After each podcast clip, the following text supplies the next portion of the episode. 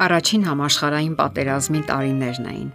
Այդ ժամանակ արդեն ամբողջ աշխարհը թվում էր կլանված է միակ մի գաղափարով՝ ողրզել, թե ինչն է ստիպում, որ տիեզերքը սլանա մեծ արագությամբ։ 1932 թվականին նեյտրոնի հայտնագործությամբ գտնվեց միջուկի ճեղքման բանալին։ Գիտնականները պարզապես հրաժարվում էին հավատալ այն բանին, ինչը ցույց էին տալիս սարքերը։ Դա պարզապես անհավանական էր։ Գիտնականներից մեկը նկատեց. այդ նոր գաղափարի մասին մտորելիս ես պարզապես սարսափ եմ զգում։ Դրանից հետո հայտնվեց ատոմային ռումբը այն հայտնաբերողները այդպես էլ մինչև վերջը հասկացան, թե այդ ինչ հրեշ են կյանքի կոչել, ընդդուք մինչև այն պահը, երբ պաշտպանեցին իրենց աչքերը լույսի կուրացուցիչ բռնկումից, երբ փակեցին ականջները իրենց ստեղծած հրեշի ահավոր պայթյունից։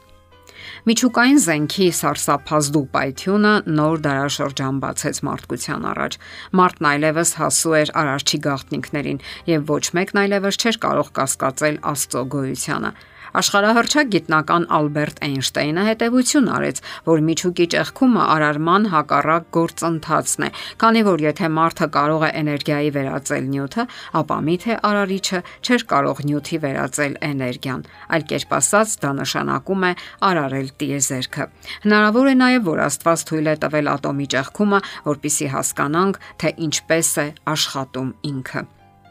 Սա միայն մեկ օրինակն է այն բանի, թե ինչ հրաշք արարչագործության ականատեսներն ու վկաներն ենք մենք։ Զարմանահրաշ փաստ է օրինակ, որ մթության մեջ գտնվող բույսը լուսային ազդակին արձագանքում է ընդամենը վարկյանի 500-րդ մասի տևողությամբ Բույսերը փայլուն կերպով լուծել են այն էներգետիկ խնդիրը, որի վրա այսօր գլուխ է ջարդում արդյունաբերական աշխարհը։ Նրանք արդյունավետ օգտագործում են էներգիան առանց վտանգավոր թափոնների, եւ այն էլ արդեն քանի հազար տարի։ Այդ թափոնները չեն կեղտոտում շրջակա միջավայրը, այլ ընկնելով հողի մեջ ճեղքվում են տարրերի եւ նորից սնունդ դառնում բույսերի համար։ Եվ այդ հստակ հավասարակշռված համակարգը կարող է գոյություն ունենալ նաեւ մեր ներսում։ Մի հպանցիկ հայացքն անգամ մարդկային մարմնին բավական է պատկերացում կազմելու աստվածային զարմանահրաշ արարչագործության մասին։ Յուրաքանչյուր օրգան համակարգ ստեղծված է ոչ միայն նպատակահարմար ու գերազանց, այլև գեղեցիկ եւ անսովոր, որ միայն հիացմունք ու զարմանք է պատճառում։ Ով է այդ մեխանիզմի հեղինակը։ Ով է դրել ատամների փոփոխության այդ իմաստուն ու հետևողական համակարգը մեր մարմնում։ Ինչպես է լինում, որ այդ անխոս օրգանիզմում կատնատամները փոխարինվում են հիմնական ատամներով, եւ մենք կարողանում ենք ճաշակել Աստծո ստեղծած հրաշալի ու բազմատեսակ սննդամթերքները՝ մրգերն ու բանջարեղենը, սերմերն ու հատիկեղենը, ընկույզները։ Այո, Մարտ երևույթի առեղծվածը շարունակում է մնալ աշխարհի գիտնականների ուշադրության կենտրոնում։ Նրանք նորանոր փաստեր են հայտնաբերում, մեկը մյուսից ավելի հետաքրքիր ու խորհրդավոր ուսումնասիրության արժանի։ Ինչպես կարող էր այդ հրաշագործ օրգանիզմը ստեղծված լինել պատահական բնության կմահաճույքով։ Սակայն այդ բոլորը խորհրդավոր չի թվա, եթե այն դիտարկենք Աստվածային արարչագործության լույսի ներքո։ Այդ ամենն ապացուցում է, որ մենք արարված ենք Աստծո կողմից եւ այն էլ ամենահրաշալի ու զորավոր կերպով։ Իսկ արդյոք այս ամենից չի բխում հաջորդ հարցը. Ինչպիսին է այդ արարչագործ Աստվածը։ Նա, ով ոչնչից արարել է բնական ու գիտակից էակին մարդուն տվել է նրան զարմանահրաշ հնարավորություններով լի մարմին ու միտք, իրեն ճանաչելու հնարավորություն եւ ընտունակություն։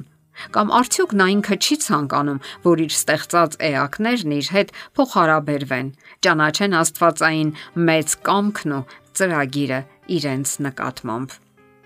Անկասկած դա այդպես է։ Այսօր շատ մարդիկ գիտեն ճշմարտությունը, սակայն արհեստավարժ կամ պրոֆեսիոնալ, սոցիալական կամ կրոնական նախապաշարումները թույլ չեն տալիս նրանց հրաժարվելու ավանդություններից։ Միգուցե նրանք հարցնում են. հետաքրքիր է, իսկ ինչպիսին է Աստծո վերաբերմունքն իմ հանդեպ։ Սակայն հենց այստեղ էլ կանգ են առնում եւ առաջ չեն գնում։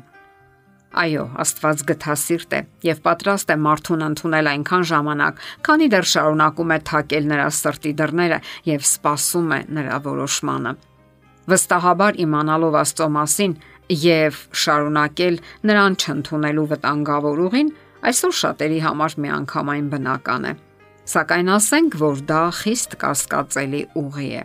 տեսնելով նրա ստեղծագործությունները եւ ակնհայտ փաստերը տրամաբանական արարչագործության մասին, անկամ մարդուն չի մղում գնալ փոխհարաբերության այդ գերհզոր էակի հետ եւ ընդունել նրա պայմանները։ Մարդը ճափազանց հպարտ եւ ինքնիշխան էակ է, որpիսի ընդունի Աստծուն իր սրտում եւ հրաժարվի սեփական հպարտությունից եւ այնուամենայնիվ դա է միակուղին։ Հակառակ դեպքում մարդը դատապարտված է հավերժական կործանման։ Ահա թե ինչու հիմա է ժամանակը նորովի վերանայելու շփումը Աստծո հետ եւ գնալու ճիշտ փոխհարաբերությունների։ Իսկ մնացածն արդեն ինքնին ենթադրվում է։ Կարիք չկա գուշակություններ անելու, սակայն մի բան པարզ է, որ տիեզերական եւ հավերժական Աստծո հետ շփումը միանգամայն մեր օգտին է։ Նա գիտի մեզ, Նրան հայտնի է մեր մարմնի եւ էության ամեն բջիջն ու ատոմը։ Փորձեք եւ կտեսնեք, թե ուր է տանում այդ ճանապարհը։ Աստծո հետ անznական շփման ճանապարհը։ Եթերում ղողանջ հավերժության հաղորդաշարն է։ Հարցերի եւ առաջարկությունների համար զանգահարել 033 87 87 87 հեռախոսահամարով։